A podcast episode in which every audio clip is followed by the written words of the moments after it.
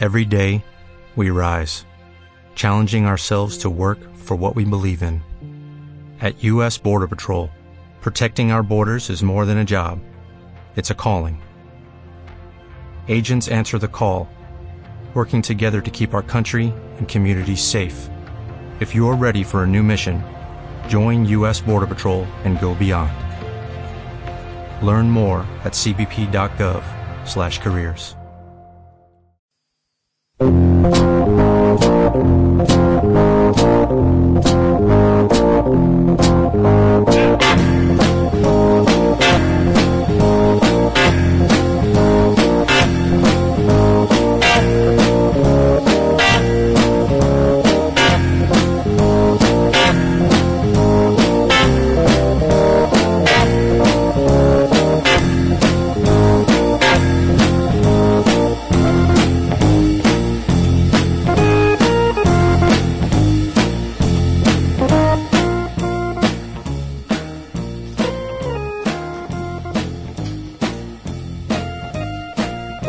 bona vesprada. Esteu sintonitzant la dissidència al dial 104.9 FM de Radio Malva.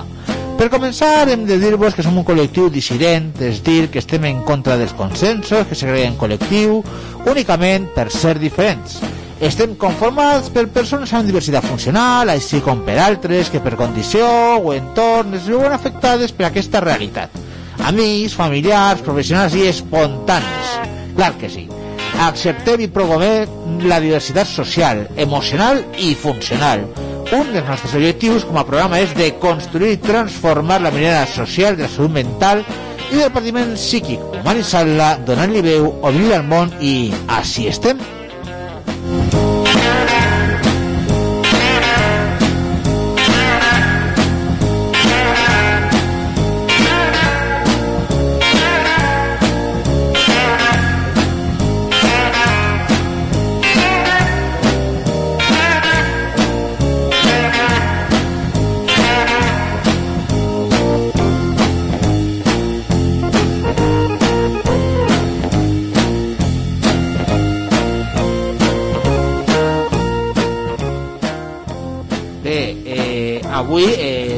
Eh, pràcticament no hem pogut eh, eh, emetre per qüestions de la tècnica o, ex- 20 de novembre Bé, eh, eh, al final el, el nostre tècnic Àlex ha aconsegut eh, fer un miracle amb l'ajuda dels companys eh, Àlex, eh, presentació venga, saluda Hola, bona vesprada. Tornem, tornem en aquesta tardor calenta que, que no sabem si acabarà algun- d'alguna bona manera.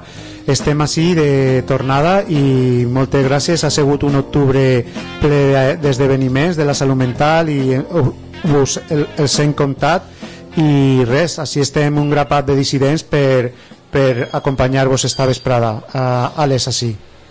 José Hola, buena vesprada, yo soy Josep Vicen y nada, aquí estamos para dar caña y apuntaos a la disidencia, amigos.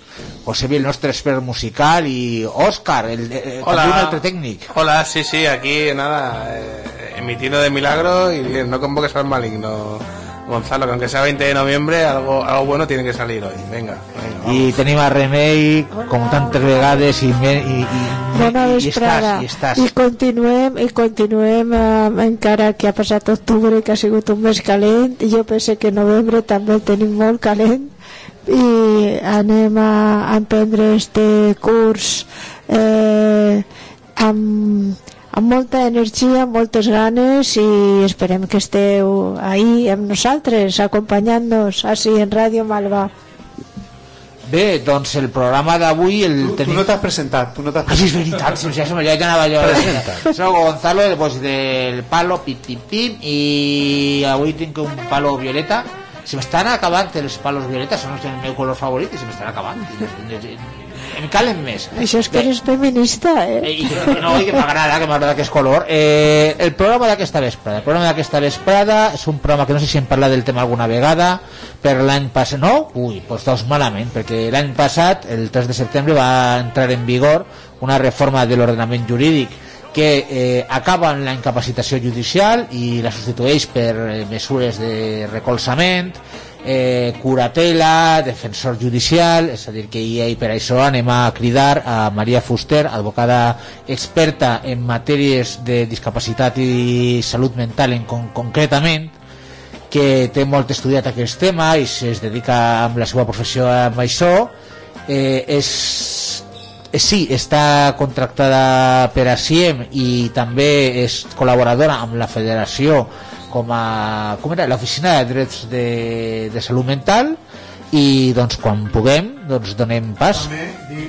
que el programa avui és una proposta que feu eh, Julio, l'últim programa que tinguérem, de proposar-nos de, de, de tractar la problemàtica de la gent que està eh, sotmesa a un règim de tutela per part de la Generalitat i com eh, esdevé el seu dia a dia i tal dir que Maria és una persona rellevant a nivell nacional, eh, està a la vicepresidència de l'Associació Espanyola de Neuropsiquiatria. Efectivament, se m'havia oblidat, sí. I és una persona que està treballant dia a dia als, als jutjats el problema de la de la de la, de les tuteles, de les tuteles i del canvi que n'hi ha hagut, un canvi que ha sigut en principi eh, orientat per el reconeixement dels drets humans i que no sabem on pararà si serà un, un, un avanç o un retrocés perquè clar, ahí estem lluitant en, en, en aquest moment.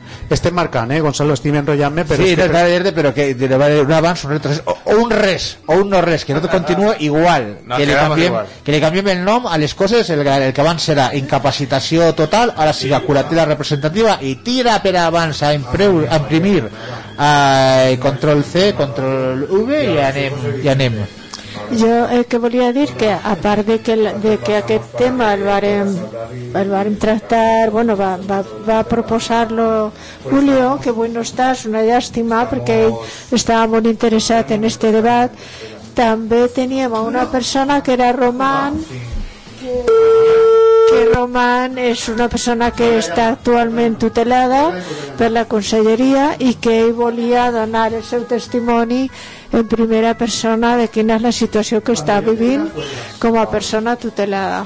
I bueno, no, no han vingut ningú dels dos, ni Julio ni no Roman, esperem que vinguen al llarg de la vesprada. El que sí que ha vingut són dos companys més. Hola, bona vesprada, Rafa Neftalí. Hola. Hola, ¿qué hay?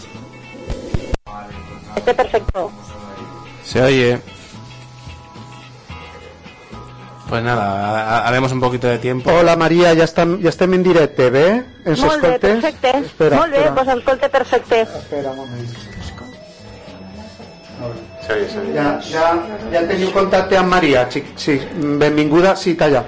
talla. Estem en directe, estem a la taula uns companys eh, ah, Gonzalo, bueno, presenta tu Gonzalo Hola Maria, moltíssimes gràcies Hola, per participar Gonzalo. estem eh, Alexandre, Josebi, Òscar, Remei Rafa y Neftalí y eh, eh, he dit Òscar, no? Sí, sí, sí.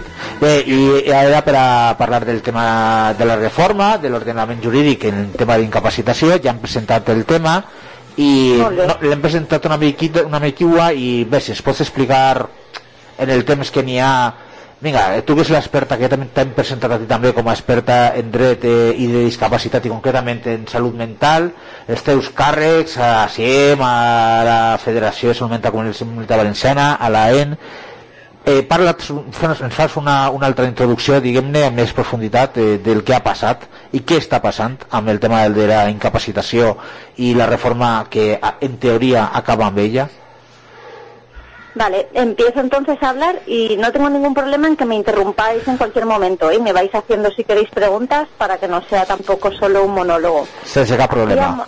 Muy bien, vale. Así, em, presentando la Ley 8 barra 2021, que es la que reforma la legislación civil y procesal para em, dar a las personas con discapacidad medidas de apoyo en el ejercicio de su capacidad jurídica. Esta es la ley de la que estamos hablando. Es una ley que entró en vigor el 3 de septiembre del 2021, por lo tanto llevamos ya un año de andadura.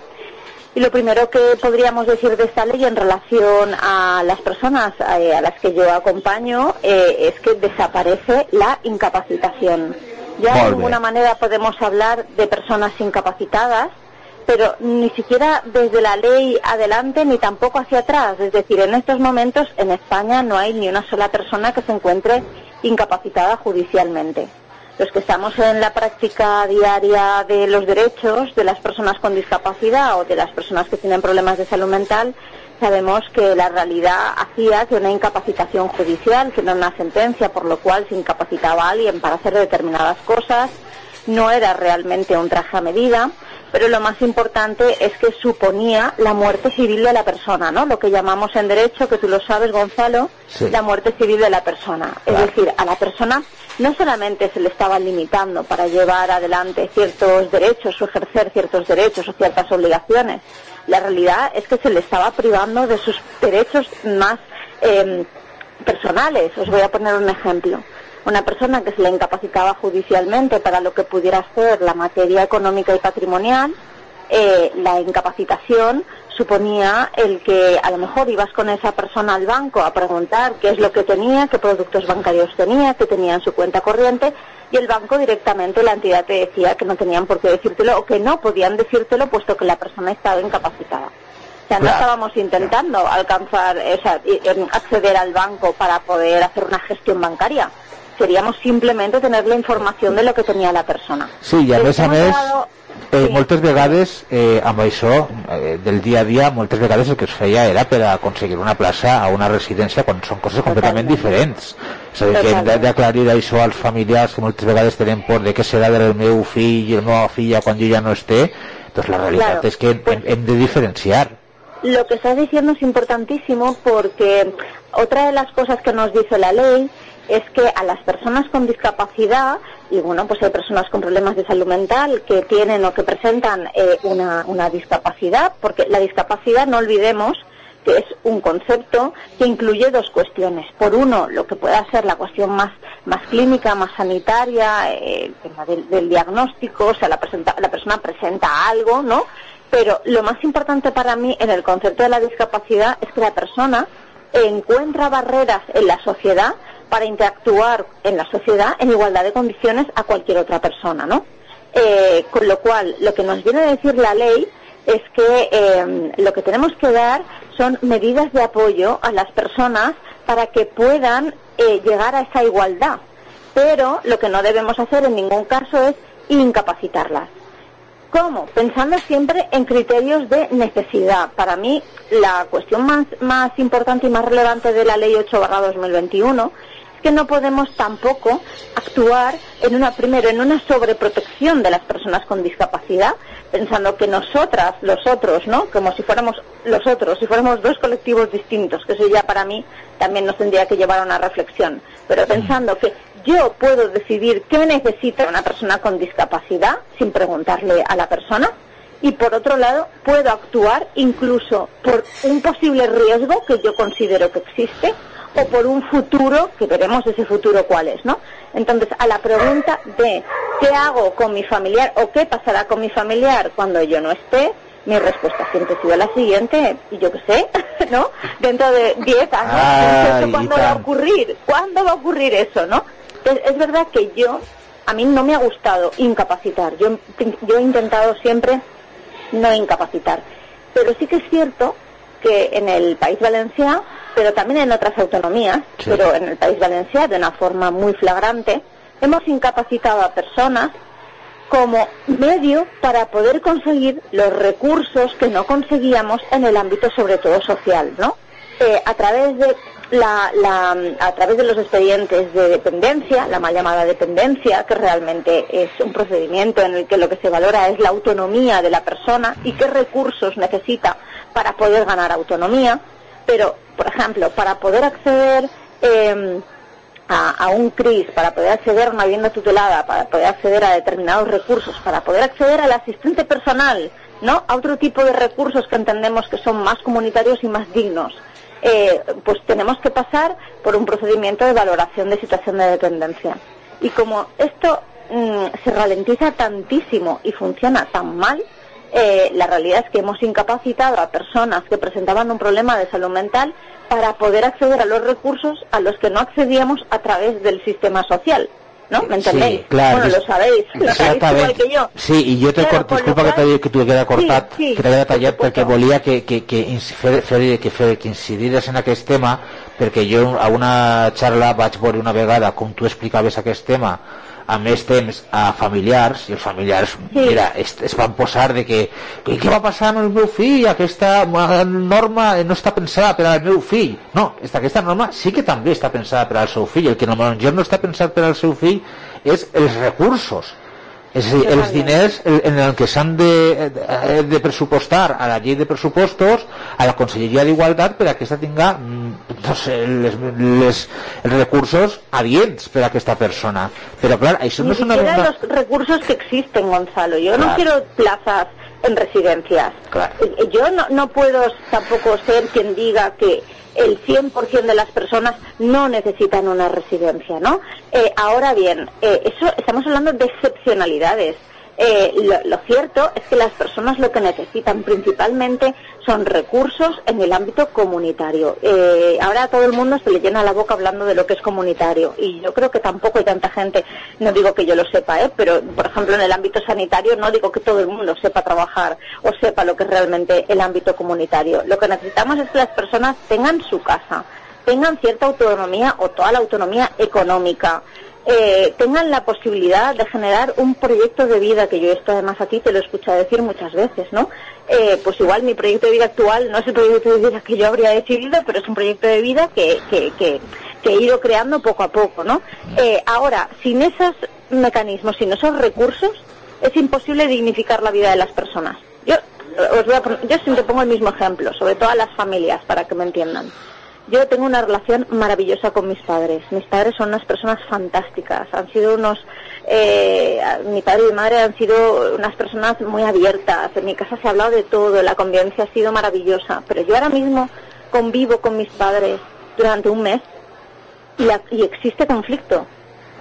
¿Cómo no va a existir conflicto si están conviviendo personas ya con una determinada edad que tendrían que hacer su propio proyecto de vida con su familia? También su familia tiene derecho a hacer su proyecto de vida. O sea, que también- ahí has. Estamos en situaciones muy, muy diferentes, estamos en momentos vitales diferentes, por lo tanto, si no generamos realmente recursos para eh, hacer este proyecto de vida eh, con cada uno, siendo conscientes, no con conciencia de enfermedad, que esto a mí me parece horroroso, sino siendo conscientes y trabajándonos nuestras limitaciones y capacidades, todos y todas, todos y todas, con y sin discapacidad, eh, con nuestras eh, posibilidades, es imposible realmente llegar a, a una igualdad. Sí, eh, perfectament. Et passe a Òscar, que vol parlar. Hola María, buenas tardes, saludos. Hola, Oscar. Hola, una eh, por un poco dentro de la línea que creo que vamos en la misma línea trabajando la reivindicación de todo lo que lo que nos gustaría que fuese.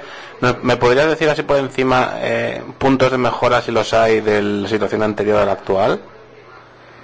¿Algún Eh, tipo de cómo lo me- cómo lo consideras? Sí.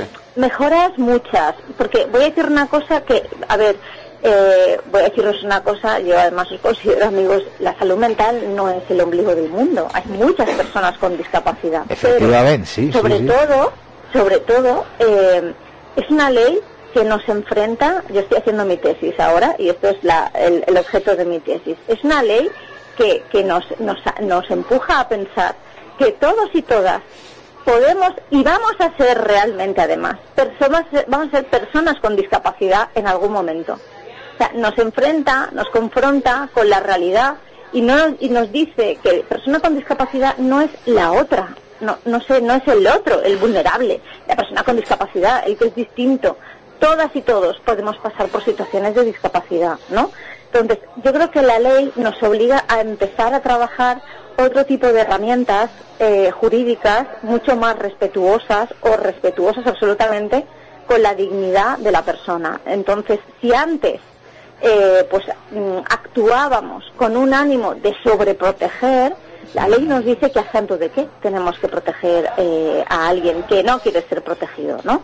Yo hoy mismo, eh, Fernando Santos Urbaneja, que es un fiscal eh, que está en Córdoba, que para mí pues es una persona es, un, es el jurista para mí que más sabe en todo esto en, en España. Me ha enviado esta mañana un par de sentencias, nos vamos rebotando información el uno al otro, es compañero también de la, de la EM, de la Asociación Española de Neuropsiquiatría, y me ha enviado una sentencia de un chico eh, que tiene eh, un diagnóstico de esquizofrenia paranoide y sus hermanos inician un procedimiento de medidas de apoyo con el concepto anterior de la incapacitación, ¿no? es que si en algún momento le pasa algo, y si está en una situación de crisis y, necesita, y, hay que protegerle, y si en algún momento de su vida abandona la medicación, y si y la sentencia es clarísima, la sentencia es buenísima, se la paso a, a, bueno, a cualquiera de vosotros, se la paso a Gonzalo si queréis. La sentencia viene a decir que a santo de qué? O sea, que, que ¿por qué hay que proteger a una persona sobre cosas que no pasan? Y en todo caso, si alguien abandona la medicación, habrá que preguntarse por qué abandona la medicación. Claro. Y habrá que ver cuáles son las causas por las cuales una persona igual está hasta el pirri del sistema. Mira, parlant, eh, par, parlant de sentències i, i a, a, eh, parlar també eh, per a il·lustrar-ho, si vols parlar un poc una mica més de la llei per a parlar de les mesures, em sembla que, que, que és per ordre seria millor per a que l'audiència pugui entendre. És a dir, ja no hi ha incapacitació, què n'hi ha ara? És a dir, quines mesures n'hi ha? Vale, lo que sí que me gustaría antes, Gonzalo, es explicar cómo se encuentran las personas que tienen una incapacitación actual. Ah, sí, el régimen transitorio, sí. Claro, para que el régimen transitorio de la ley, para que, porque no se nos olvide, lo he pensado antes y no quiero que se nos pase. Sí. Las personas que tenían una sentencia de incapacitación, que son miles en España, eh, tendrán que revisar sus sentencias eh, eh, y adaptarlas a la ley 8 barra 2021. ¿De acuerdo? Durante estos años, en principio la ley nos dice que deberían de estar revisadas antes de septiembre de 2024. Yo creo que esto es inviable, es imposible, porque no hay capacidad técnica como para hacerlo. Sembla, eso, sí. Sí, sí, pero eh, sí que es cierto que vamos a tener que revisar todas esas sentencias, ¿vale? Eso es lo primero que hay que tener en cuenta. Las personas que se encontraban incapacitadas en estos momentos ya no podemos utilizar el término incapacitación, sino que son personas con discapacidad que ya tienen una sentencia de medidas de apoyo para lo cual para aquello para lo que estaban incapacitados. Pongo un ejemplo. Imaginaros que yo y Gonzalo somos hermanos, yo eh, estoy incapacitada para temas económicos, Gonzalo es mi tutor, ¿cómo quedaría mi sentencia con la entrada en vigor de la Ley 8/2021? En estos momentos, yo, María, sería una persona con discapacidad, no una persona incapacitada, que necesito medidas de apoyo en todo aquello para lo que estaba incapacitada, en los actos económicos, en actos económicos y patrimoniales, ¿vale? O sea que realmente hasta que no se adapte la sentencia a la Ley 8 2021, sigo encontrando las mismas limitaciones, ¿de acuerdo?, que tenía con la, con la sentencia. En estos momentos, eh, Gonzalo, que era mi tutor, que era mi hermano y era mi tutor, tenía la tutela. La tutela para mayores de edad ya no existe. Mm. Es una figura que ya no existe porque es una figura sustitutiva y representativa. Eh, actualmente las medidas de apoyo no deben de ser a priori sustitutivas y representativas, pero sí que es cierto que hasta que no se revise la sentencia, Gonzalo pasaría a llamarse mi curador representativo. ¿De acuerdo? A efectos prácticos, a efectos prácticos cambia muy poco la situación, ¿no? Porque sigo teniendo las mismas limitaciones que antes y sigo teniendo a alguien que decide por mí. Pero sí que es cierto que esa sentencia se va a tener que revisar. Quizá esa sentencia se dictó sobre una persona que tiene una incapacitación para manejar una pensión no contributiva. Es que esto es un absurdo. Con lo cual, con los nuevos, con el nuevo sistema de medidas de apoyo, se tendrá, se tendrá que ver si efectivamente hay una necesidad de seguir teniendo medidas de apoyo para em, cuestiones económicas y patrimoniales, ¿no? O sea, pero en la práctica es un poco igual, ¿de acuerdo? Hasta que se revise esa sentencia, sabiendo que la sentencia se va a tener que revisar, todas las sentencias. Remei volia fer-te alguna pregunta. Eh, sí. He d'avisar que el temps està molt limitat, eh? He d'avisar als companys. Sí. Hola, María. Hola, Remei. Que, a ver, yo yo hablo, como ya sabes, desde... Te oigo muy lejos, Remey. Sí, ¿ahora me oyes mejor? Ahora perfecta, sí. ahora genial. Dime. Nada, que ya sabes que yo hablo desde la perspectiva familiar, ¿no? Que tengo... Sí, sí. que tengo una persona que, que, no he querido nunca eh, iniciar los trámites de, incapacitación, pero que, como sabes y ya te he comentado muchas veces, hay una situación en la que en la que encuentro que me faltan recursos, que el único recurso que tiene en este momento mi hijo es el que el que yo puedo tramitarle o, el que yo de alguna manera esté ahí, ¿vale? Como familiar. Entonces, eh, las medidas de apoyo, te quería preguntar, las medidas de apoyo, ¿quién las tiene que solicitar y quién las tiene que gestionar y decidir cuáles han de ser? La primera pregunta. Vale. La segunda, ah, sí, sí, te hago, te hago un poco todas y, luego ya. Eh, la segunda, eh, está claro que que, es cierto que, que, que, estas, que las personas que en este momento ah, estaban, estaban ah, con una situación de incapacitación eh, tenían una serie de, recursos X o tenían un, un, una persona encargada de su tutela. Ahora mismo todas estas personas, ¿cómo quedan? ¿no? O sea, tú has dicho, creo que has dicho que se tiene que revisar sus, sus sentencias para, para ajustarlas a la ley 8-2021 y ver cómo quedarían las medidas de apoyo con estas personas que hasta ahora estaban tuteladas, ¿no? Eh, mientras tanto, ¿qué va a pasar? Esa es la segunda pregunta. ¿Qué pasa con todas estas personas que tienen una sentencia de incapacitación y, que todavía no se les ha adaptado la nueva ley, ¿no? Esa es la segunda pregunta. La tercera pregunta, yo ya sé que como madre eh, voy a otra vez a decir lo mismo que, que ha dicho Gonzalo que te dijeron en, en esa reunión, ¿no? ¿Qué va a pasar con mi hijo cuando yo no esté?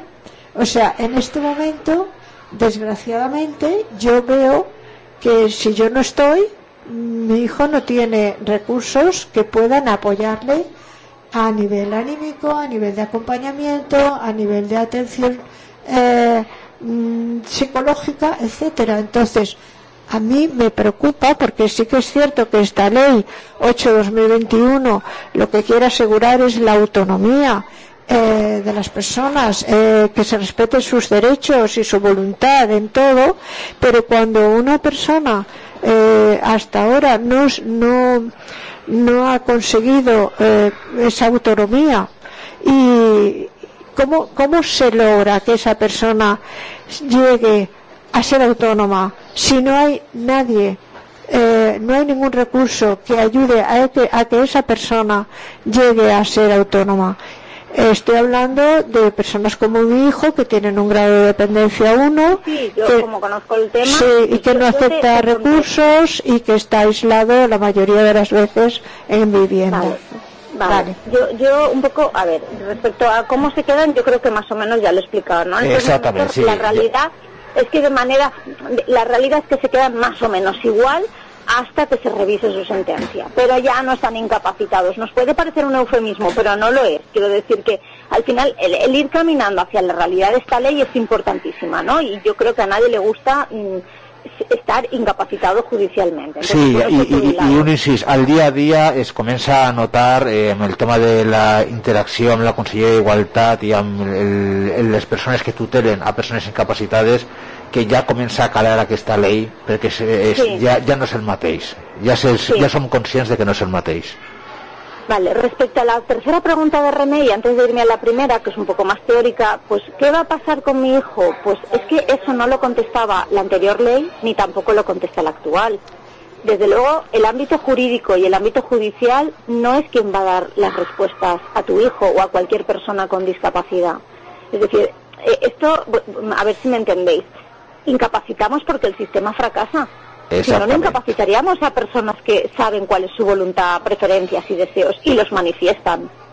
Eh, contenemos porque no hay recursos.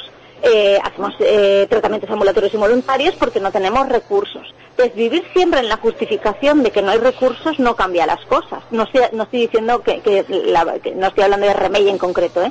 digo en general, ¿eh? yo misma. Es decir, que eh, pues, pues es que el ámbito judicial no es la respuesta para las necesidades sociales y sanitarias. Y por lo tanto, responder ante la falta de recursos con la limitación de derechos y de algunos derechos fundamentales no es el camino o no es el camino que queremos eh, muchas de las personas que acompañamos a, a, a otras que, tienen un problema de salud mental, ¿no? Con lo cual, estamos en la misma situación que estábamos, porque la realidad es que la situación que estábamos no daba respuesta a este tipo de preocupaciones, ¿de acuerdo? De que es una cuestión presupuestaria de recursos, no me dirlo claramente. Es una cuestión de recursos, absolutamente de recursos. Al final, de crear una red, de que la persona esté apoyada hasta donde quiera estar apoyada, aunque sí que es cierto que también hay que tener en cuenta que, fijaos, eh, hay, hay personas que sí necesitan protecciones. Es verdad que son son las menos, pero hay personas que sí que necesitan tener una protección.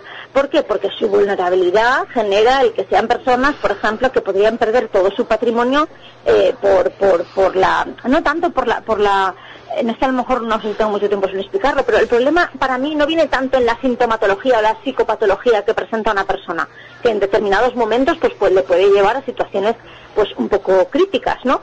Pero sobre todo las personas con las que trabajamos, yo después de 17 años, me he dado cuenta de que las personas son frágiles en su vulnerabilidad. Entonces, muchas veces, eh, pues fíjate, mm, no voy a personificar, pero si una persona tiene la sensación de no tener amigos, de no tener afectos, de no tener un proyecto de vida, eso es lo que le hace vulnerable y por lo tanto puede llegar otra persona, prometerle el oro y el moro y la persona con discapacidad dárselo todo. No sé si me explico. Sí, claramente.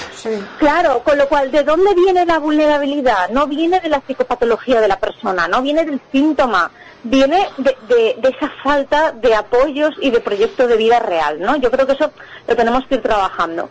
Pero ¿qué pasará a futuro? Pues pasará pues lo que tenga que pasar en el futuro, pero ahora mismo prever que me voy a morir de aquí. Bueno, sabéis que yo mato a todo el mundo en mi despacho al día siguiente. A todo el mundo le digo, que mueres mañana, ¿no? Pero no sabemos cuándo nos vamos a morir, con lo cual tenemos que intentar pensar en cada momento en el que estamos, ¿no? Tomando conciencia de que cada momento en el que estamos, qué apoyos necesita nuestro hijo. Yo en estos momentos, ya que Remey hace la pregunta hablando de su hijo, creo que tu hijo está más acompañado de lo que tú te crees o de lo que tú seguramente tengas la sensación de vez en cuando. Y que si a ti te pasa algo, estaremos varias personas para intentar ver cómo eh, se le dan los apoyos a tu hijo. Estoy convencida porque al final es la red que vosotros habéis creado, ¿no? Y además tiene un muy buen amigo eh, que, está pendiente y eso es un tesoro, ¿no? Eso es un pero eso es un apoyo importantísimo para ver en su momento qué es lo que necesita, qué es lo que necesita. Habrá que ver en cada momento qué es lo que necesita. A partir de ahí, la falta de recursos hace que todo fracase y entonces acabamos aplicando medidas coercitivas o acabamos ah. obligando a la gente a pasar por el aro de cosas que no quieren hacer o que no quieren. No, vale, eso por un lado. Entonces me gustaría un poco transmitir que no podemos estar pensando a 20 años vista. Tenemos que ir creando ciertos recursos de apoyo y redes para poder reaccionar y apoyar a la persona en el momento en que nosotros no estemos, ¿vale? Eh, María, ¿y qué te parece? Vamos a ver, eh, vamos dando pasitos muy cortos, pero eh, ¿qué te parece la ayuda que proporcionamos las personas que están trabajando ya, compañeros míos, en el team? Personas eh, que trabajan en primera persona y que realmente saben porque han pasado por momentos parecidos cómo pueden tratar a una persona con enfermedad mental. Bueno, yo soy una grandísima defensora del peer-to-peer y del acompañamiento en primera persona como eh, profesional. Quiero decir que una cosa es el apoyo que se pueda dar desde el grupo de ayuda mutua, súper necesarios, eh, y yo creo que además dan una lección muchos grupos de ayuda mutua de cuáles son eh, de cuál es el camino que tenemos que, llevar no para atender a una persona en determinadas situaciones sobre todo también en situaciones de crisis. Pero a mí me parece fantástico. Yo de hecho por ejemplo hace muy poquito tiempo tuve una entrevista eh, con una con una persona de con un socio de ASIEM eh, que tenían un problema de salud mental y que en este caso pues es mayor y tiene ciertas limitaciones por todo por su edad por sus circunstancias y me dio el apoyo para estar en la reunión a mí y a él eh, Vicente como Mm, team sí. ¿no? y para mí esa reunión salió millones de veces mejor de lo que habría podido salir porque después de esa reunión además había que hacer ciertas gestiones, él no sabía, Vicente le acompañó, aprovechó para ver si había alguna necesidad más, para resolverle algunas dudas, para hablar con él, entonces para mí, vamos, quiero decir que es, es eh, yo, yo, de hecho ahora mismo donde voy a hacer formación, desde donde me llamen, yo pedí permiso a, a SIEM por si me permitían ir contando esto por todos los sitios donde voy. O sea que me lo creo absolutamente. Quiero, Sí. decir que Muchas creo que es gracias. absolutamente necesario. Ahora bien, con sus luces y sombras, con sus cosas que nos tenemos que ir planteando para que salga bien, ¿sabes? Que yo también creo que tenemos que ir sentándonos cada cierto tiempo para evaluar dónde estamos, hasta dónde hemos llegado, en qué puntos esta, esta, eh, esta figura puede encontrar ciertas grietas para ver cómo las podemos trabajar, ¿sabes? Que sí que creo que tenemos que, que ir trabajándola poco a poco. Pero, vamos, yo soy una firme defensora de, de los team y del, del peer-to-peer, absolutamente. Maria, eh, tema temps. Eh, et queda temps o, o anem a acabant? Sí, ¿me dejas que cuente una cosa? Sí, ¿También? el que, la que Vale. vulguis. Vale, vale. Porque realmente de todo lo que he dicho, igual a la gente no le queda claro que es una medida de apoyo, ¿no? Eh, Sí. Cuando hablamos de medidas de apoyo y estamos hablando del juzgado, hablamos de medidas de apoyo para el ejercicio de la capacidad jurídica. Es decir, al juzgado se va a buscar medidas de apoyo cuando la persona necesita apoyos, nunca mejor dicho, para la toma de decisiones de ciertos actos con relevancia jurídica. Es decir, al juzgado no podemos ir a buscar apoyos sociales y sanitarios. ¿De acuerdo? Eso es lo primero que tenemos que tener en cuenta. A mí, esto de tener una incapacitación para que mi eh, hermano se tome la medicación me parece el mayor absurdo de este mundo porque no sirve para nada, para nada. Soy Gonzalo, soy tu hermana, soy tu tutora, tómate la medicación, no me da la gana, ahí hemos llegado, ¿no? O sea, ya, ya, ya, No. Y encima además va a generar un, un conflicto entre tú y yo Exacto. y lo mejor sería que tú y- entre tú y yo existiera una relación de afecto y una red Sí. por la cual las cosas, pues yo pudiera ser un apoyo tuyo y tú mío y tú mío en determinados momentos de nuestra vida, ¿no? Entonces es lo primero. El juzgado se va a pedir medidas de apoyo que tengan cierta relevancia jurídica. No vamos, yo he visto sentencias ahora que son peores que las de antes. La sentencia que incapacita a una persona, bueno, da medidas de apoyo, perdona, a una persona con un trastorno mental grave eh, para vestirse, asearse, desplazarse, pedir ayuda y nombran curador representativo, la anterior tutela, al IBAS. Pues si, toquen, pues, no, si ha d'anar li vas a, vestir a una persona... No, o sea, ya es el... Bueno, y además una persona que tiene un problema de salud mental, o sea, no un Ya. problema cognitivo severo, a ver si me entiendes, o sea, que ya es el colmo, ya es el colmo. Doncs mira, Eso es a- lo primero. Sí, jo volia I entrar... luego- Ah, per- perdona. Ay, déjame un momentito solo, Gonzalo. Como hay, como hay amistad, pues yo me, me- me permito el lujo. No, no, no, no, no, no, no, Entonces, millor, millor. eh, tenemos tres tipos de medidas de apoyo. Primero, las medidas de apoyo voluntarias. La persona, cualquiera de nosotros, no solamente una persona con discapacidad, pensamos siempre que son los otros, no. Todas y todos tenemos que pensar cómo queremos ser tratados si tenemos una situación de discapacidad y si pasamos por determinadas situaciones de crisis. Eso lo primero. Con lo cual, yo creo que el trabajo está ahí, está ahí, en trabajar realmente que la persona pueda decidir cuáles son sus medidas de apoyo, ¿vale? Las medidas de apoyo voluntarias. Luego tenemos otra medida de apoyo, que es la llamada medida de apoyo informal, que es la guarda de hecho. En estos momentos, Remey, que siempre se ha opuesto, lo ha dicho ella hace un momento, pues lo- yo lo sé, pero lo ha dicho y por lo tanto lo reitero, siempre se ha opuesto a incapacitar a su hijo, siempre. Pero ella es su guarda de hecho. Exactament. Es una persona que está dándole apoyos en el día a día. Y por último, tenemos las medidas de apoyo judiciales, que son la curatela y excepcionalmente la curatela representativa. ¿De acuerdo? Eh, esas son las. Ahora, para llegar a las medidas de apoyo judiciales, antes tenemos que descartar que la persona no tiene medidas de apoyo voluntarias o no tiene suficiente guarda de hecho. ¿De acuerdo? Con lo cual, objetivo mío, mm, profesional mío, trabajar mucho las medidas de apoyo voluntarias. Molt. Sí, gracias, gracias, Esas María. medidas de apoyo. Ya, bueno, pero en eso estamos todas y todos, porque al final me lo puedo creer yo, lo podéis creer vosotros. Se lo creen. No, compañeros y compañeras de la EM se lo creen, pero sí que es verdad que no es. Y María, No, no. ¿quién. ¿quién solicita estas medidas de apoyo? Vale, esa era la primera pregunta. Las medidas de apoyo las puede, las judiciales, Sí. ¿no? Porque las otras, yo me doy mi propia medida de apoyo, que decir que la voluntaria es la que pongo yo. Sí. Las medidas de apoyo judiciales las puede solicitar como antes las mismas personas, los familiares más cercanos, el Ministerio Fiscal y la propia persona con discapacidad. Si me dejáis que cuente un caso, nosotros ya hace mucho tiempo que intentamos que la propia persona con discapacidad sea la que pida en su momento su incapacitación, lo cual era durísimo, y actualmente las medidas de apoyo. Yo, por ejemplo, tengo un cliente actualmente que tiene, tiene un diagnóstico de trastorno bipolar. El diagnóstico no es la persona, pero el diagnóstico sí que nos ayuda a veces a comprender ciertas eh, actuaciones, ¿no? Entonces, este señor, por ejemplo, me dice que en fases en las que él está pasando una fase maníaca, eh, él me decía, yo destarifo mucho con el dinero, ¿no? Eh, con lo cual, la última ocasión, este señor se fue de España se fue porque se sentía muy limitado aquí, se fue de España y en otro país de Europa se gastó muchísimos miles y miles de euros jugando y bueno, y con, con, una eh, situación, eh, pues eso, maníaca muy, muy grave, ¿no? Entonces él es el que viene a mi despacho y me dice, yo, por eso os decía, la conciencia, todos tenemos que adquirir, trabajarnos y ayudar, y que nos ayuden y nos den apoyos para trabajarnos esa conciencia de limitaciones y capacidades, ¿no?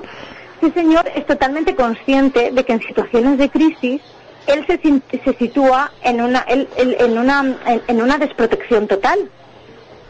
Claro. Lo que os estoy contando es durísimo. Y él viene a mi despacho y mirando al suelo, obviamente, porque es muy duro, pero mirando al suelo me dijo, yo necesito que me ayudes para que en esos momentos yo no pierda mi patrimonio. Claro.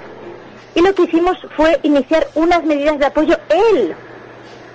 Él inició las medidas de apoyo. Y tenemos unas medidas de apoyo para el ámbito económico y patrimonial, quitando lo que es su pensión mensual, que puede gastarla en lo que dé la gana, pero en todo el resto de cosas, y la verdad es que es una persona que tiene bastante patrimonio, tiene la curatela de su mujer, es decir, con la que él, en la que él confía absolutamente, ¿no? Eh, ¿qué, qué conseguimos con eso? Que eh, para poder acceder a ciertos productos bancarios lo puede hacer él, pero sí que va a tener que hacerlo con su esposa, ¿no? Que es su medida de apoyo. Él mismo es el que ha generado esa protección.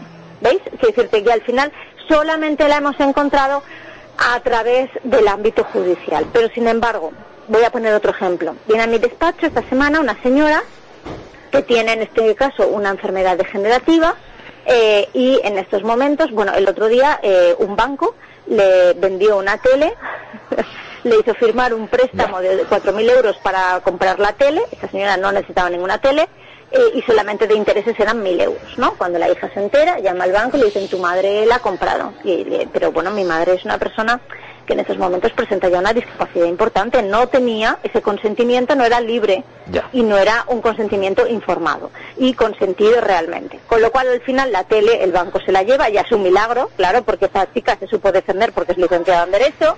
eh, y entonces ella viene a mi despacho, la señora, y me dice, ¿cómo hago para que no me vuelva a pasar? Porque es que a mí me enredan y me enredan Don. y al final lo firmo. ¿Qué es lo que vamos a hacer? La señora ha pedido que cualquier actuación bancaria tenga que ser mancomunada con su hija. No, vam- no vamos a ir al juzgado, no es necesario en el caso de esta señora ir al juzgado. Las cuentas que tiene las mancomuna con su hija y, por, y, hemos, y eh, le hemos dicho al banco, oiga, yo quiero que cualquier decisión, cualquier producto, cualquier cosa que ustedes me quieran vender, tiene que pasar por mi hija. Va, perfectamente, claro. Y, Claro, con pero- lo cual ella se ha generado su medida de apoyo voluntario sin necesidad de ir al juzgado. Es que esto se trata de buscar alternativas, Claro. alternativas. per anar terminant, encontramos. eh, tu quin, quin és, quina pega li, li ficaries a, a aquesta lleu? A aquesta lleu? Hoy muchas. Molt- bueno, si, som, si són moltes, si són moltíssimes, anem a fer una cosa. Alguna, alguna. Dime. Eh, però ens pot dir la, la més rellevant, per exemple? No, pero sobre todo son cuestiones más técnicas, jurídicas, que entendemos más las personas que trabajamos en este ámbito. De acuerdo. Mira, le voy a pasar a, voy a pasar a Josebi que voy a hacerte una pregunta, Hola, pero María. rápidamente, ¿eh? María, soy José Vicente, nada, solo quería hacerte una pregunta Claro, simple. dime. Era, el- ¿la persona que está tutelado puede votar? Sí, por supuesto. Además, eso ya se modificó. Eh, es decir, que aunque tú en tu sentencia, tú o quien sea, eh, no, no digo tú, si eh, que cualquier persona que tenga en su sentencia eh, la, la prohibición o la limitación para votar, esto ya saltó por los aires, pues yo creo que ya hace dos, dos, dos, eh, dos votaciones. Quiero decir que es verdad que fuimos a ver si todas las personas incapacitadas estaban en listas, eh, estaban en listas para poder votar y efectivamente era así. El problema ahora ya no viene tanto por el hecho de poder votar, sino que, por ejemplo, la, la pregunta es mu- muy, mucho mejor de lo que tú te esperabas, vas a ver. Las sentencias que le- de incapacitación que contenían un pronunciamiento sobre hacer testamento, por ejemplo, o aquellas personas que estaban incapacitadas para todo y por lo tanto se entendía que no podían hacer testamento, estas privaciones de derechos específicas saltan por los aires. No hace falta esperar a la revisión de la sentencia. Yo, por ejemplo, tengo un cliente eh, que está incapacitado desde los años 90. Claro, en aquellos momentos se incapacitaba la gente absolutamente para todo, ¿no? Una esquizofrenia, uh, una incapacitación total, total para todo, incluido para hacer testamento. Y ese señor viene al despacho y me dice, es que yo hace 20 años que no tengo contacto con mi familia. Ninguno. Por lo que sea, yo no juzgo. Ese trabajo me ha enseñado a no juzgar. Él tendrá sus razones, su familia igual tiene las suyas. Yo no lo sé. La cuestión es que no tiene contacto. Esa es la realidad de la que yo parto. Y él me dice, yo no quiero morirme y que unos sobrinos a los que ni conozco hereden lo poco que yo tengo. Pero no podía hacer testamento porque estaba incapacitado. Y sin embargo, no me diréis vosotros si no entendía lo que era un testamento, lo que suponía un testamento y que lo que nos estaba contando tenía todo el sentido común. Pues no podíamos hacer testamento porque estaba incapacitado. Pues actualmente, aunque no se le haya revisado la sentencia, puede hacer testamento. Ahora el juicio de capacidad lo hará el notario, eso sí. Pero igual que siempre, esto, es- esto siempre ha sido así. Tú lo sabes, Gonzalo, el notario siempre ha hecho juicios de capacidad. Eh, Ahora, siempre esta es- no, persona no, no podía ser de una otra, vega- de una otra no manera. puede ser de otra manera, exactamente. Pero es solamente el notario el que tiene que valorar la capacidad de esta persona. Y esa persona tiene toda la capacidad para hacer testamento. ¿De acuerdo? Con lo cual, sí que todas estas privaciones de derechos específicas saltan por los aires. Y este señor no hace falta que se le revise su sentencia, sino que actualmente ya puede hacer testamento, lo cual yo celebro muchísimo. Bé, María, En per, a- mí la ley me encanta, ¿sabes? La ley creo que es muy buena. Luego ya es que técnicamente, pero son técnicamente pues tiene cosas que pulir. pero la filosofía es. Hombre, Eh, la filosofía nos obliga a, a avanzar hacia la voluntad, preferencias y deseos de la persona, hacia el respeto a los derechos fundamentales y los derechos humanos de cualquier persona y, algo muy importante, a pensar que todas y todos vamos a pasar por situaciones de discapacidad. Y por lo tanto, tenemos que, no, no son los otros, somos todos. som tots. Maria, vols dir-nos alguna cosa per acabar? Eh, alguna qüestió de que se t'hagi No, passat? I que sí creía- no, vosotros sí creéis que hay alguna cosa importante que Yo- sí yo que creo. quería Que- preguntarte- una cosita solo, Remey, que no se me olvide. Cualquier persona que nos escuche y tenga una sentencia de incapacitación, que no se vaya tampoco libre. Los juzgados, Gonzalo lo puede explicar igual que yo, los juzgados no son eh, un territorio amigo. Tampoco digo que sea enemigo, pero no es un territorio amable. No es un territorio, entonces, no, eh, antes de iniciar cualquier cosa, es mejor contar con apoyo profesional, ¿de acuerdo? O apoyo profesional o pedir abogado del turno de oficio en el SOC o si, si estáis vinculados a alguna asociación, pues, eh, pues eh, pedir asesoramiento de la, de la asociación, ¿de acuerdo? Porque todo lo que estamos contando luego desde el punto de vista judicial es muy complejo y yo por lo tanto creo que es preferible que todo el mundo tenga un acompañamiento también eh, profesional para, para esto, ¿de acuerdo? Sí, completament d'acord. Eh, dius, eh, dius... Yo, ojalá que, que esta ley se... Te oigo lejos. Sí, digo, ¿sabes? Ah, digo María, que, que el, el que esta ley reconozca los derechos de cualquier persona, ¿no? Eh, tenga o no tenga una discapacidad, es un avance importante para que las- luego las instituciones se pongan a trabajar de verdad en conseguir eh, los recursos necesarios para que esas personas realmente puedan seguir trabajando su autonomía y, su incorporación a, a, la sociedad como cualquier otro, ¿vale? Si está ley entonces, pero no nos podemos quedar en el mundo de las ideas Ah, claro que no. son muchos años que me, que me conoce. Hay que buscar las alternativas reales. A mí me parece muy bien que desde todos los sitios se hable de derechos. Hasta los psiquiatras me hablen a mí de derechos. Me parece estupendo, pero tenemos que buscar las alternativas reales. Las alternativas reales es crear una estructura que no existe. Sí, mira, por ejemplo, por ejemplo, eh, te cuento la, bueno, tú ya lo debes de saber porque te encontrarás con esto cada día. Cuando este verano ingresó mi hijo eh, en, eh, en, en, Agudos, en el hospital de Agudos de Lima. yo no sé si eres tú o soy yo, pero te digo entrecortado. Sí, digo, digo que, que, un, que un ejemplo, ¿no? Cuando estamos hablando de derechos llega un día a día que es una crisis y en esta crisis eh, tienes que ingresar en la unidad de Agudos. Eh, el ingreso es voluntario, pero automáticamente a, menos de 24 horas se convierte en voluntario porque la psiquiatra que está en urgencias considera que ha de ser involuntario.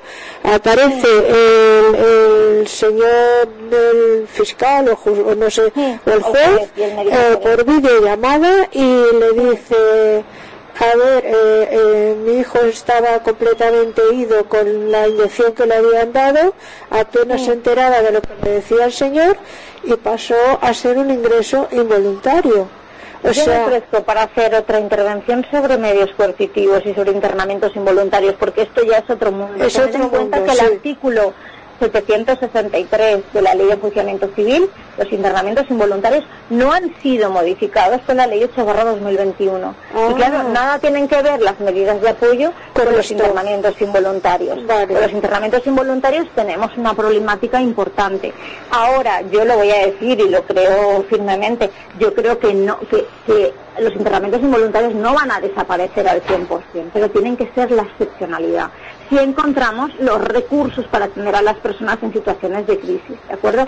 Eh, ahora, pues, eh, con los internamientos involuntarios estamos igual que antes porque no ha habido ningún tipo de modificación. Si me dices que hay valoraciones de manera telemática, bueno, yo entiendo al ámbito judicial que no tiene los medios para atender esas... Eh, esas, esas entrevistas de forma presencial como antes por la cantidad de trabajo que hay pero a mí particularmente, a mí es que todo lo telemático me parece ya de un neoliberal, la telemedicina, el telemático, el todo tele, el totalmente la el teletodo, pierde la perspectiva humana, ¿no? Eh, que va más allá de, preguntarle a una persona, no sé, que a lo mejor se encuentra además muy contenido farmacológicamente, claro, en este momento para entender nada ni saber sus derechos, con lo cual yo me ofrezco y yo sé que a Gonzalo siempre le da apuro porque pero a mí me encanta que me llaméis me ofrezco a que otro día, si queréis, hablemos de... Sí, eh, ya, ya ens hem passat de temps, Rebei. Rebei, eh, ja ens hem passat. Eh, Maria, moltíssimes gràcies. Me ofrezco, eh, yo ahí lo dejo. Però moltíssimes gràcies per, per, per entrar i per la teva paciència. Que tens Adéu, Maria, besets. Eso faltaba. Muchísimas gracias. Muchas gracias, Maria. Ah, adéu. Hasta luego. Fins, fins després.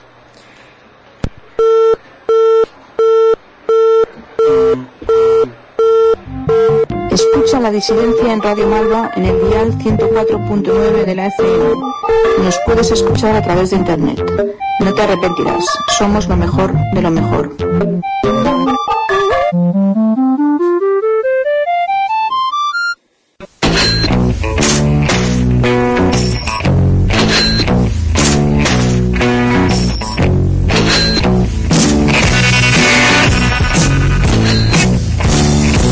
Gustaría colaborar en el proyecto Radio Malva? Hazte socio, tienes toda la información en nuestra página web. radiomalva.org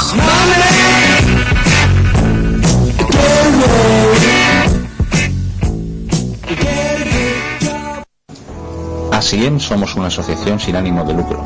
Nuestro objetivo es la defensa de los derechos de las personas con enfermedad mental y sus familias. Las actividades que realizamos son asesoramiento social, psicológico y legal, ocio y tiempo libre, grupos psicoeducativos y de ayuda mutua, talleres ocupacionales, formación e inserción laboral, promoción para la autonomía en personas jóvenes, rehabilitación en centros penitenciarios y actividades de sensibilización y difusión. Puedes encontrarnos llamando al 96 392 2859 y en nuestra página web www.asiem.org.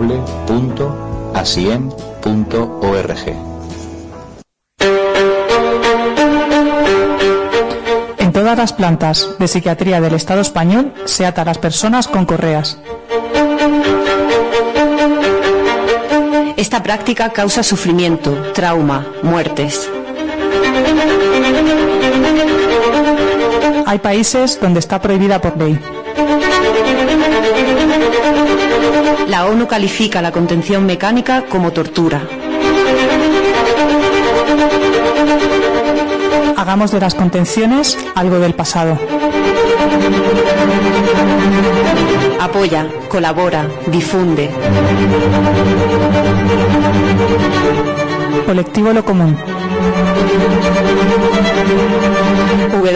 www.cerocontenciones.org Hashtag Cero Contenciones.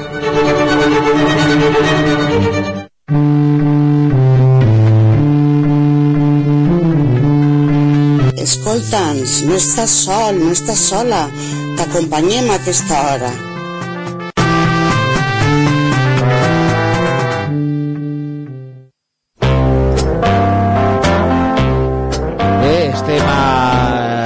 Sintonia una altra vegada després de l'entrevista a Maria Fuster que s'ha explicat aquesta reforma de la llei 8 de 2021 de fa un any que va entrar en vigor el 3 de setembre que ja porta més d'un any ens ha explicat un munt de coses que em sembla que hem de recapitular una mica entre tots el que hem escoltat i del que hem parlat perquè és com, la seva complexitat clar, és un tema que no, que no és simple però que sí m'agradaria començar dient que la filosofia ha de quedar clara. És a dir, la filosofia és la, del, la de la que la persona com hem parlat puga fer eh, la, la seu, el seu projecte de vida eh? anem a parlar clarament. És a dir, la persona ha de poder fins i tot el que es parla moltes vegades en articles acadèmics d'aquest tema el dret a equivocar-se dir, les persones amb una discapacitat, no només en matèria de salut mental, aquesta llei és molt ampla, és, és, aquesta llei parla de totes les discapacitats eh, i de totes les situacions a la vida que anem passant amb, quan anem fent-nos majors i ja, la, ja no tenim les mateixes capacitats doncs eh, hem de tindre en compte que la llibertat de les persones s'ha de respectar i el seu projecte de vida s'ha de respectar. Jo es començaria per així i vinga, eh, roda d'intervencions. Sí, jo no he, interve no he intervengut, però sí que em sembla que ha sigut una entrevista pr productiva perquè, a més a més, jo veig un poc la trajectòria de, des de, en, el, en, en aquesta llei perquè a unes jornades que farem a, a Geografia i Història el 2020 no? o 2021 o 2000, que fa, fa, ja, fa ja dos anys, sí abans de la pandèmia, en el 2019, en octubre, novembre, octubre o novembre del 2019. Això ja és a, a, abans pandèmia, AP. Sí, sí. I ella estava molt escèptica, molt vers la llei, no, no confiava en que significara un avanç i només veia eh, entre bancs i despropòsits en, en el que suposava pel desprotegiment de, i, i, i l'ha vista avui més, més convençuda, més partidària, més optimista, si se vol.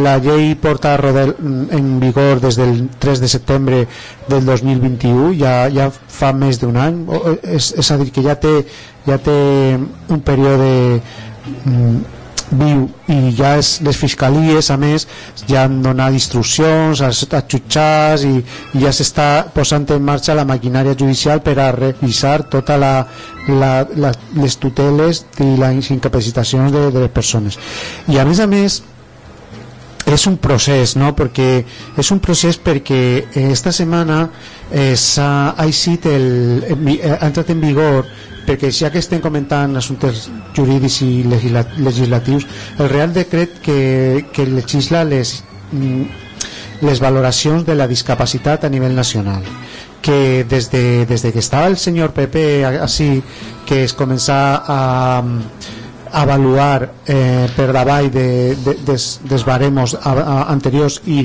capacitant a gent que administrativament, sense una valoració mèdica, estaven esperant aquesta unificació per part del, del Ministeri de, de, de Serveis Socials. I ja ha plegat. I està movent-se la cosa, és a dir, que s'està movent, que no sé si arran de la, de la llei que, que eh, incloïa el, el, la Convenció de la Discapacitat sí, a l'estat espanyol, sí, sí, sí, sí, ja eh, també el, el, la Confederació la convenció, la, la, la, la convenció, convenció. des de però també la Confederació de, de, de l'economia social d'empreses de, de l'economia social ha reclamat al Ministeri que, que no es llevaren les bonificacions per a la contractació de persones amb discapacitat i ho ha aconseguit efectivament, efectivament. està aconseguint que està movent-se el sector de la discapacitat de les tuteles està movent és un, jo penso que, és, que l'orientació bona de, dels drets humans que és l'orientació de, de futur que és una orientació universal si se vol és, està ben, ben, ben traguda sí, però també mm, remarcar això que està en cascada s'està posant s'està actualitzant tot el corpus legislatiu eh, que està relacionat a la, a la discapacitat i a nivell laboral sí. volia donar una bona notícia amb el que estaves dient, és a dir ja, haurem de fer un, un programa amb el tema del baremo, del grau de discapacitat però és veritat que a la jurisprudència eh, avui dia ens trobem que cada vegada més eh, es pot compatibilitzar un ser amb, amb límits el tema del treball i el tema de les pensions. És a dir que avui dia la, la justícia amb tot el corpus legislatiu que tenim doncs està tingut una visió molt més ampla per a permetre que una persona puga progressivament estar en una, una situació en la que depèn de, de, de l'administració amb el tema de les pensions, però pot tornar a treballar, almenys parcialment, almenys mitjà de Jordana, i la persona doncs, pot, amb aquest, aquest, amb, aquest treball, tindré una independència i tindré un projecte de vida i tindré una llibertat. És a dir, està canviant la cosa i està canviant la perspectiva perquè també es donen compte els jutges eh, i també les administracions que han d'aplicar la llei que és, el nostre corpus jurídic ha canviat és a dir, eh, la convenció ja abans de la convenció però en el tema de la convenció això no es pot mirar d'una manera paternalista. És a dir, la idea de la residència, el centre de dia abans d'anar a la residència que sempre fas el mateix al centre de dia que has de menjar eh, al centre de dia perquè no eh, capaç de fer-te tu el menjar.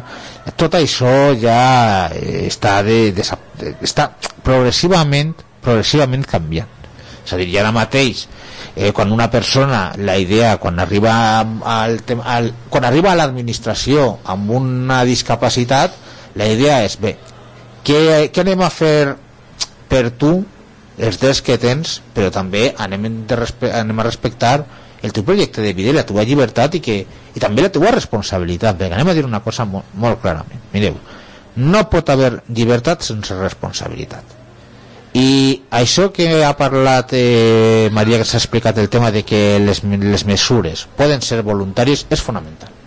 És a dir, si nosaltres volem reclamar drets i volem reclamar ser lliures hem de eh, ser conscients de si jo tinc un problema amb un tema jo he de preveure al meu testament i també unes mesures voluntàries què em passa i què em cal per a poder superar aquest problema així de clar el dic. I pot semblar massa dur però quan passen els anys i tu has tingut tractament i tu has tingut més millor o pitjor? I has tingut recolzament millor o pitjor? I ja et coneixes millor o pitjor doncs a mi em sembla que hem de tindre un recorregut vital que ens porte a si cal doncs prendre unes mesures voluntàries unes mesures voluntàries i anem a dir-ho clarament. Ser conscients del que n'hi ha i ser conscients de que no podem ser només mm, demanadors de recursos eh, sense tindre en compte de l'objectiu del recurs. És a dir, que l'objectiu del recurs és que tu sigues lliure.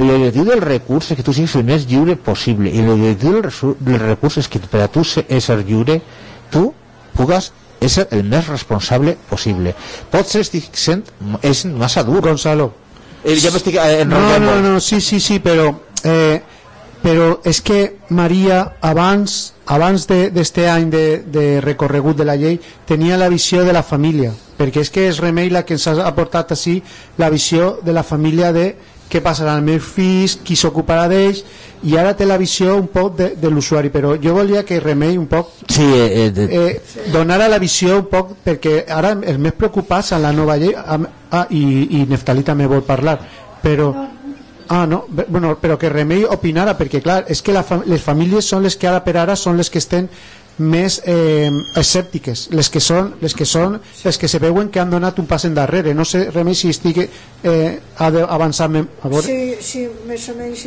Àlex, perquè, a veure, jo soc, com, com he dit abans, eh, estic d'acord amb aquesta llei 8-2021 perquè el, el fet de reconèixer eh, la capacitat jurídica de qualsevol persona eh, en les mateixes condicions que, que la resta de persones, eh, per a mi això és un reconeixement de drets independentment de les capacitats o incapacitats val? i això per a mi és positiu val? Eh, però és que és com haver començat la casa per, per el teulat no? per a mi o sigui, tu me reconeixes que jo tinc els mateixos drets que, que, que, Que qualsevol. que qualsevol val? però resulta que quan tinc una crisi me'n vaig i me diuen que eh, m'he de, som- que és un, exacte m'he de sometre a que me diga el psiquiatre m'he de sometre a un internament involuntari perquè resulta que jo no estic en condicions de decidir com si així m'està dient que aquesta llei el que fa és respectar els drets i la voluntat de les persones per a de prendre les seues mateixes decisions Però això, no, clar. deixa'm acabar, si no, no, no acabe de, de, de, de aconseguir transmetre el que vull dir, no? Això per una banda. Per altra banda, eh, jo estic en ma casa, tinc un problema, però resulta que llevat del familiar o llevat de, de no sé, de- d'algú que me paga el familiar per a que estigui amb mi, jo no tinc ajudes de, eh, de ningú, no? O sigui, no tinc ajudes de ningú. I això, eh, quan Maria parla... i con, la- i con de la- Remei moltíssima gent moltíssima gent. Quan Maria parla de recursos de l'àmbit comunitari i que diu que això no té res a veure la llei, doncs sí que és de veres que una cosa és legislar i l'altra la realitat. I jo penso que aquesta llei està molt lluny de la realitat, molt lluny. I la realitat és que aquesta persona, primer, és dependent, no se li ha treballat l'autonomia, no se li ha treballat la responsabilitat, o no se li ha treballat o no ha sabut ell adaptar-se al, a, al, a, a ser conscient de la seva pròpia realitat. Val? I, I llavors és una persona que en este moment no té suficient autonomia per a viure eh, eh, en una societat que li demana responsabilitats, li demana presa de decisions i que no, no és prou per a, per a, per a prendre-les, no? És una persona que no s'adapta a la societat, que té molta problemàtica per a, per a aprendre i per a acceptar normes i que en este moment no té recursos que li ajuden al que diu aquesta llei a tindre la igualtat d'oportunitats que la resta no li ajuda a tindre l'autonomia i la responsabilitat que pertoca per a que aquesta persona pugui prendre les seues decisions de manera responsable. Llavors com queda això? Doncs queda que a dos per tres esta persona, com que no hi ha ningú més, tira mà de qui? d'un amic o del familiar o de qui siga. Llavors estem en un cercle viciós i no podem eixir. Com, què és primer? A mi em sembla que la llei molt bé, però ha d'anar acompanyada d'aixos recursos comunitaris, perquè si no fem coixera, fem coixera, llavors, lògicament, la meva preocupació com a familiar és, com no estan els recursos comunitaris, eh, què passarà quan jo no estiga? Val? I no puc deixar de dir això ni de pensar això. I com jo, com tu dius, Alex, moltíssima més gent, perquè no, en tot l'estiu només ha vingut una persona que ha sigut este senyor d'ací, Gonzalo Nielfa, eh, a veure'l quan estava ingressat en, en Aguig. una sola vegada ha vingut una persona. A on cony estan els recursos comunitaris? Quan jo no he pogut tindre ni un dia de vacances per, aten per, per atendre el meu fill. Eh? Això és la realitat. Jo dic això, quan diu un altre familiar, el meu fill se vol suïcidar cada dia i quan jo no estic i quan jo pegue mitja volta, intenta suïcidar-se. Quin recurs comunitari hi ha? Cridar al número del suïcidi? Senyors, així estem fent la casa per la teulada. Perquè jo, em sembla que mm, una persona d'un dia per un altre, per molt que, des, que desaparega la llei de les, incapacitas, de, la, de les incapacitacions, la realitat és la mateixa. Que hi ha coses que estan canviant la mentalitat de les institucions, sí, però que siguin efectives, per favor. A l'hora de la realitat se trobem encara com se trobem, amb una manca de recursos molt gran i no tothom té la sort de ser persones com vosaltres, no? que sou persones autònomes, que sou persones que podeu treballar, que podeu relacionar-vos, que podeu estar eh, eh, tenint una vida normalitzada. Moltes persones, ja no solament de l'àmbit de del problema del diagnòstic mental, hi ha moltes altres que, que hi ha que estan soles i que no tenen l'ajudes i que no poden portar endavant aquesta vida que diu Maria de projecte de vida. No poden portar endavant un projecte de vida perquè per a portar-lo endavant necessiten canviar moltes coses sols no poden.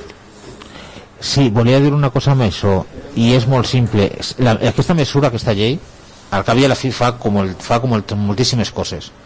Ha arreglat un problema que no costa diners arreglar és a dir, és com el tema de matrimoni homosexual. Quant diners costa reconèixer una llibertat a una persona si a mi com a estat em dona igual, si al registre està una persona com a casada, com a no, com el que siga, quan les persones tenen llibertat d'anar, de tornar, de divorciar-se, a mi no em costa res.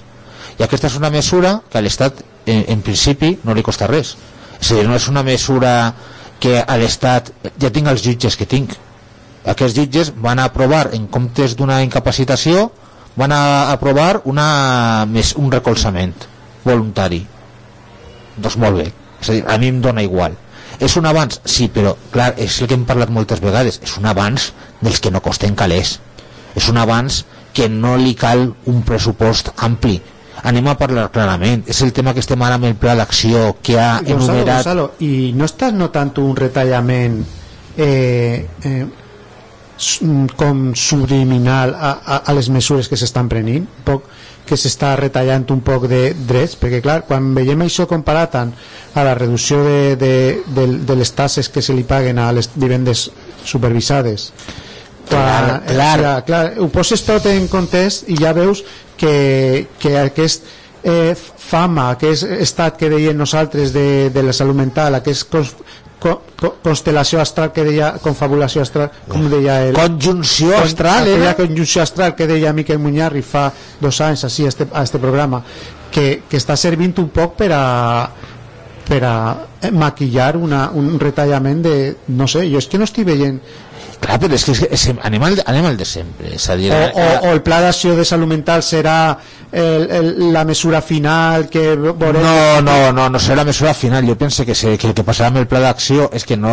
es pressupostarà com cal ni mitjanament, és a dir, i, i aleshores el que ens tocarà és continuar batallant amb, amb, amb aquesta història pel tema dels calés, anem a dir clarament, i com es gasten aquests diners.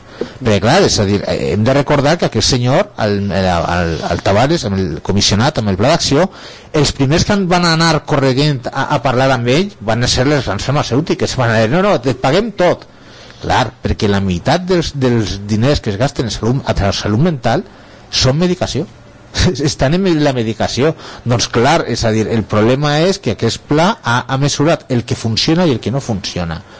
I tens tota la raó, estic d'acord amb tu. És a dir, el tema de la salut mental s'està convertint en una mena de, de lema en un marchamo electoral en, que- un, en un leitmotiv en, en, en, en una, en una cosa de, de, de moda a dir, eh, està bé parlar de, de la salut mental eh, està bé dir és com, és com és, eh, posat l'exemple del matrimoni homosexual per, per, per l'exemple d'una cosa que no costa diners és a dir, jo reconec que tu estàs boig, a mi no em molesta. Molt bé. Eh? ara en compte de boig vaig a anomenar eh, persona amb discapacitat eh, amb diversitat funcional psicosocial quant diners costa això? Zero. Ara, una salsa com la que remana Remei, hòstia, quants calés costa? I quanta redistribució dels calés públics gastats en una cosa passar-ho a una altra, a una altra cosa? Ah, amiga, ahí està, ahí està la cosa, ahí està. Eh, si voleu, fem una paradeta per a reflexionar i tornem Sí. que...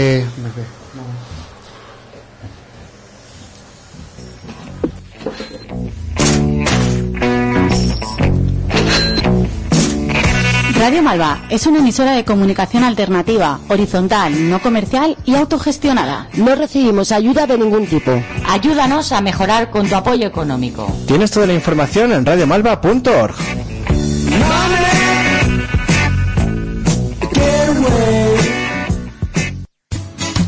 ACOVA és una associació sense ànim de lucre que té com a principal finalitat defensar els drets i interessos i millorar la qualitat de vida de les persones amb malaltia mental i les seues famílies.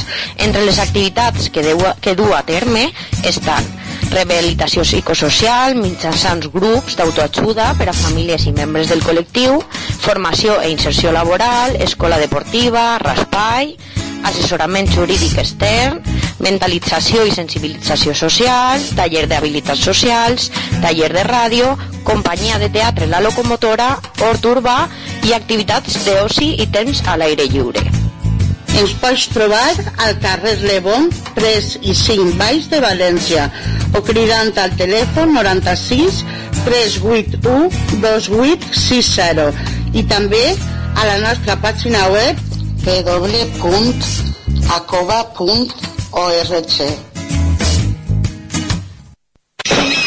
This is rock and roll radio. Come on, let's rock and roll with the Ramones.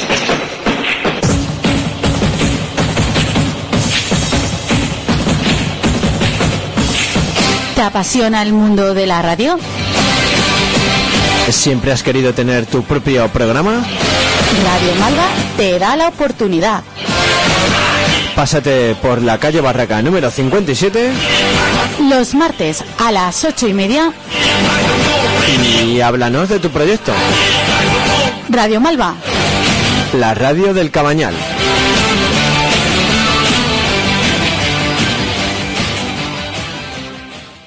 When I grow up, there will be a day. ¿Eres una niña buena o prefieres ser mala? Entonces escucha Radio Malva 104.9 de la frecuencia maltratada. Escucha los medios de comunicación alternativos.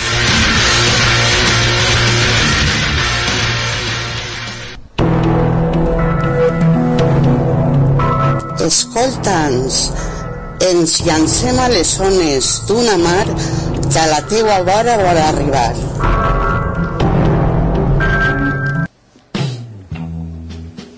Hola oyentes, aquí de nuevo otra vez en la disidencia. Pues ahora voy a cambiar un poco el tema y os quería hablar sobre los impuestos, que me, me he escrito un pequeño guion aquí para, para hablaros sobre, dicho, sobre los impuestos. Y como tengo puesto aquí, ¿qué son los impuestos? Los impuestos son cargas o tributos, son una obligación de pago que el Estado impone a sus ciudadanos sin que exista una contraprestación directa de bienes o servicios. El principal objetivo de los impuestos es financiar el gasto público, construcción de infraestructuras de transporte, distribución de energía, prestar servicios públicos de sanidad, educación, seguridad ciudadana y policía, defensa de sistemas de protección social como jubilación, prestaciones por desempleo y discapacidad, etcétera.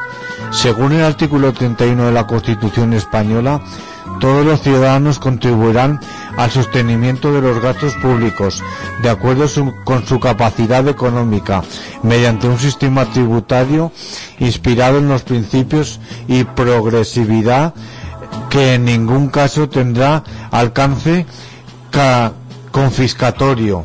Subir o bajar los impuestos es una de las principales diferencias entre los partidos de izquierda o derecha. La izquierda defiende que los la, la izquierda definen que los hay que subir los los, los impuestos y la derecha creen que lo mejor es una iniciativa privada. Es decir, la izquierda defiende a la clase baja mientras que la derecha defiende al, al rico neoliberal.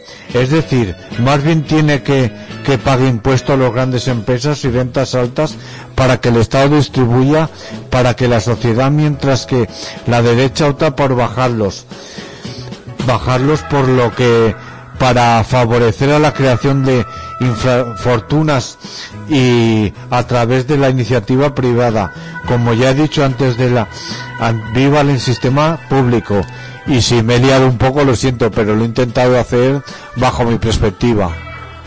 No, no t'has liat gens perquè a més a més eh, estem parlant de recursos i ve al pèl això que estàs dient.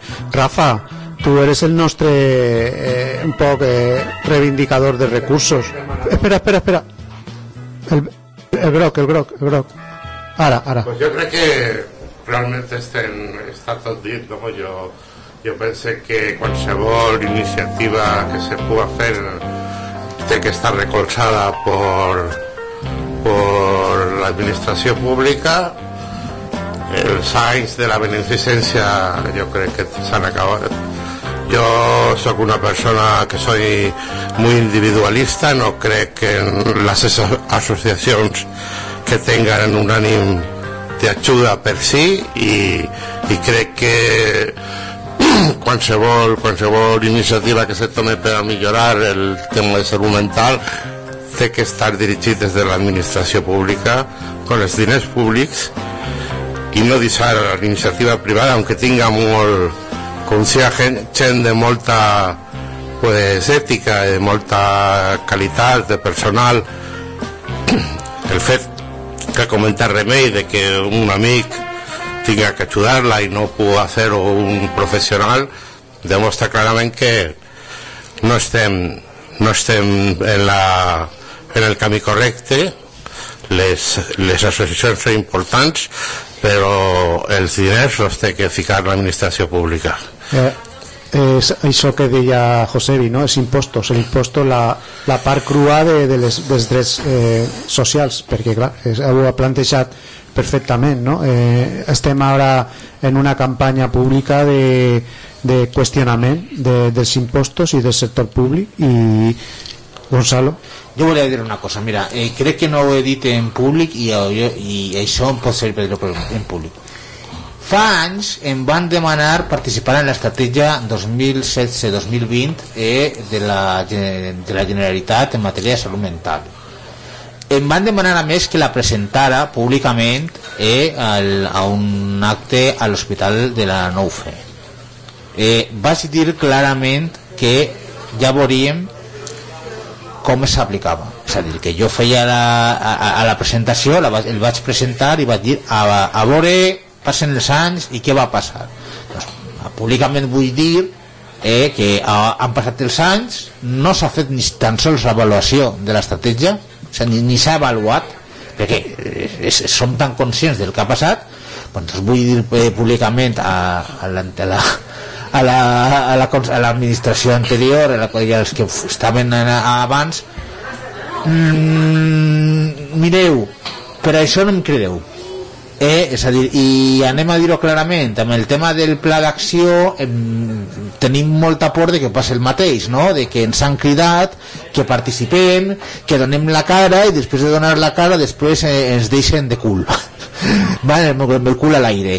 Doncs mira, no, ja està bé, és a dir, hi ha molts actes, hi ha molta reivindicació, hi ha moltes grans paraules, octubre ha sigut eh, eh, és, és, és expressiu d'allò que és un poc la salut mental. Un, esdeveniment, esdeveniment, esdeveniment i acte, i acte, i acte i després, eh, clar, passa el que Remei diu que en, en les situacions de crisi mm, tot, tothom desapareix. Remei, tu volies parlar. No, dir que, que cridava l'atenció que, que José Villa era tret el, el, el tema dels impostos no? I, i que sembla que quan parlem d'impostos parlem de, no sé, de coses que no tenen res a veure amb nosaltres no? i és una cosa que com tu dius Alex ens afecta directament perquè si no fora per això no podríem tindre servicis en la qual cosa ha d'estar molt clar qui està defensant una política o una altra com ha dit Josebi o sigui, la dreta en els seus programes polítics assegura que aquests impostos van a revertir els servicis? És una pregunta que tothom podem veure quan aquesta gent parla del seu programa electoral i l'esquerra teòricament que defensa ixa, ixa, eh, servicis públics no? i la necessitat de que això siga aixina jo esta setmana al·lucinava en, el programa, en totes les manifestacions que estan havent a Madrid perquè la senyora Ayuso en el seu programa eh, sanitari està, està bueno, fent treballar en contractes de treball que són inassumibles als sanitaris de, de la Comunitat de Madrid no? i dius eh, realment eh, quins polítics tenim que estan d'alguna manera eh, eh, i tot i que passem hem passat un, uns anys de, en els que s'ha vist la necessitat urgent de tindre uns serveis sanitaris com toca. Uns serveis sanitaris públics. Públics i que s'ha vist que la mancança tan gran que hi havia que, que està canviant a partir d'això. Ha canviat alguna estem realment dotant-nos de, de que aquests serveis sanitaris públics dic sanitaris com dic pues, eh, eh, com dic eh, d'educació com, no sé, avui en dia encara eh, costa moltíssim jo, jo tinc una, una la meva germana o sigui, porta com 8 mesos 8 mesos perquè li facin una, se diu, una ressonància magnètica sí. Està pagant ser, eh, un, un traumatòleg privat està pagant un, un fisio privat. Tu penses que encara després de 8 mesos esperant, li toca encara l'any que ve en gener o en febrer la prova. És que esa gent és la que ha anat a la manifestació en Madrid. És que, és que no és que gent. és la gent de la llista d'espera no, no són els sanitaris, són la gent directament afectada els sanitaris la... també els sí, sí, sanitaris. també els sanitaris però el gros és la pacients gent afectats. afectada. És que els sanitaris estan renunciant a la plaça que es dona perquè és que és inassumible treballar en aquestes condicions. Llavors eh, realment jo pregunto ara realment els, els impostos que paguem estan servint per a tindre aquests recursos socials que necessitem? Aquesta és la primera pregunta, perquè jo a vegades sent per ahir que se volen comprar per als, per als polítics volen comprar un iPhone d'estos d'última categoria que valen no sé quants euros cada un eh, que jo realment pense quina participació, perquè estàvem parlant de la llei d'abans, no estàvem parlant de la necessitat de que cadascú participi en les pròpies decisions que afecten a, a un mateix.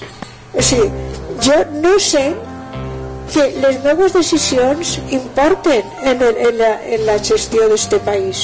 la participació En, jo no estic... O sigui, a, a part de que puc votar, després, en, en, en la marxa diària d'aquest país, o sigui, jo, jo no compte, ni jo ni, ni la gent que esté de a peu de cada dia. Estarían en el fracaso de la democracia, ¿no? No, Remei, a nosaltres, com a gent com tu, el te criden per a fer-te la foto a un acte de presentació d'una estratègia i després fa la foto i després tira, tira, tira per la banda. Tira, tira. Sent ser jo un poc el, el, el del temps no? però ens queden 3 minutets eh, hem d'acomiadar-nos no sé si voleu dir alguna cosa Sí. Neftalí, tu que no has intervingut Bueno, yo eh, quiero decir que los impuestos es eh, quizás el tema más importante para que haya recursos en todos los ámbitos. Entonces, realmente eh, deberíamos deberíamos de ser todos Hacienda. Sí. Yo volia donar el telèfon de Sí, sí, sí, per sí. favor, que este telèfon el tenim nosa- els, els membres de la ràdio per a, si, si voleu parlar amb nosaltres, si voleu proposar-nos temes, si voleu vindre un dia així a Ràdio Malva a, a, bueno, a participar, a veure'ns, a comentar coses, si així vos esperem, este telèfon és el 6 44 132 807 repetisc 6 44 132 807 eh, a veure si es crideu i, i bueno, vos contestarà Josebi Sí, porque ahora lo llevo yo. Sí, compañeros. Un minutet, sí. Estarem així el, de tornada a mitjans de desembre. Moltes gràcies, companys, companyes, i ens veiem en desembre. adeu, adeu. Adeu, passeu bon dia.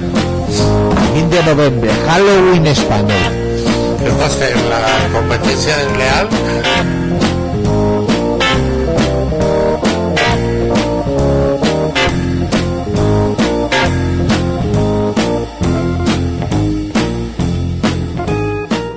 ¿No se merece tu familia lo mejor? Entonces, ¿por qué no los mejores huevos? Ahora, Egglands Best están disponibles en deliciosas opciones. Huevos clásicos, de gallina libre de jaula y orgánicos de Egglands, que ofrecen un sabor más delicioso y fresco de granja que le encantará a tu familia. En comparación con los huevos ordinarios, Egglands Best contiene la mejor nutrición como 6 veces más vitamina D, 10 veces más vitamina E y el doble de omega 3 y B12. Solo Egglands Best. Mejor sabor, mejor nutrición, mejores huevos. Visita egglandsbest.com para más información.